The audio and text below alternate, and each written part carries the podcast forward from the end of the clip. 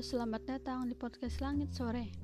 Saya mau bilang, untuk kamu yang sedang ada di kamar atau di perjalanan, terima kasih sudah mendengar podcast saya ya. Semoga semesta selalu melindungimu. Oke, di podcast kali ini, saya baca puisinya nggak sendirian, seperti biasanya. Tepatnya, puisi ini hasil kolaborasi saya sama seseorang. Dia asal Kendari, Sulawesi Tenggara manusia berhati batu yang malas bicara sama seperti saya. Bait pertama dan kedua ditulis saya sendiri. Bait tiga dan empat ditulis oleh dia. Dan bait lima enam ditulis saya lagi. Baik, langsung baca puisinya aja ya. Swasta Mita Ketika surya mulai tenggelam, lalu Swastamita menunjukkan keindahannya.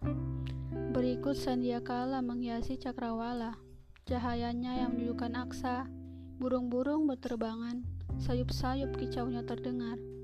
Serai, sarayu begitu terasa. Oh Buana, kau sungguh mempesona.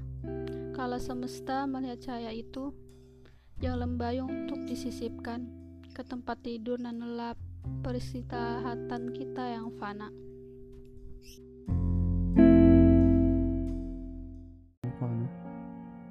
Seperti kepergian terang berwarna jingga menuju sampul tua yang hitam.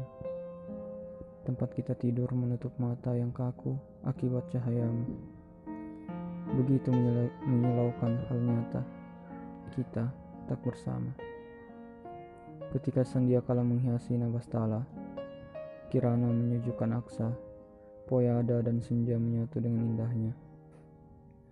Ia pergi menyisihkan rindu sementara manusia pergi menyisihkan pilu. Di laut lepas, kau tampak begitu jelas.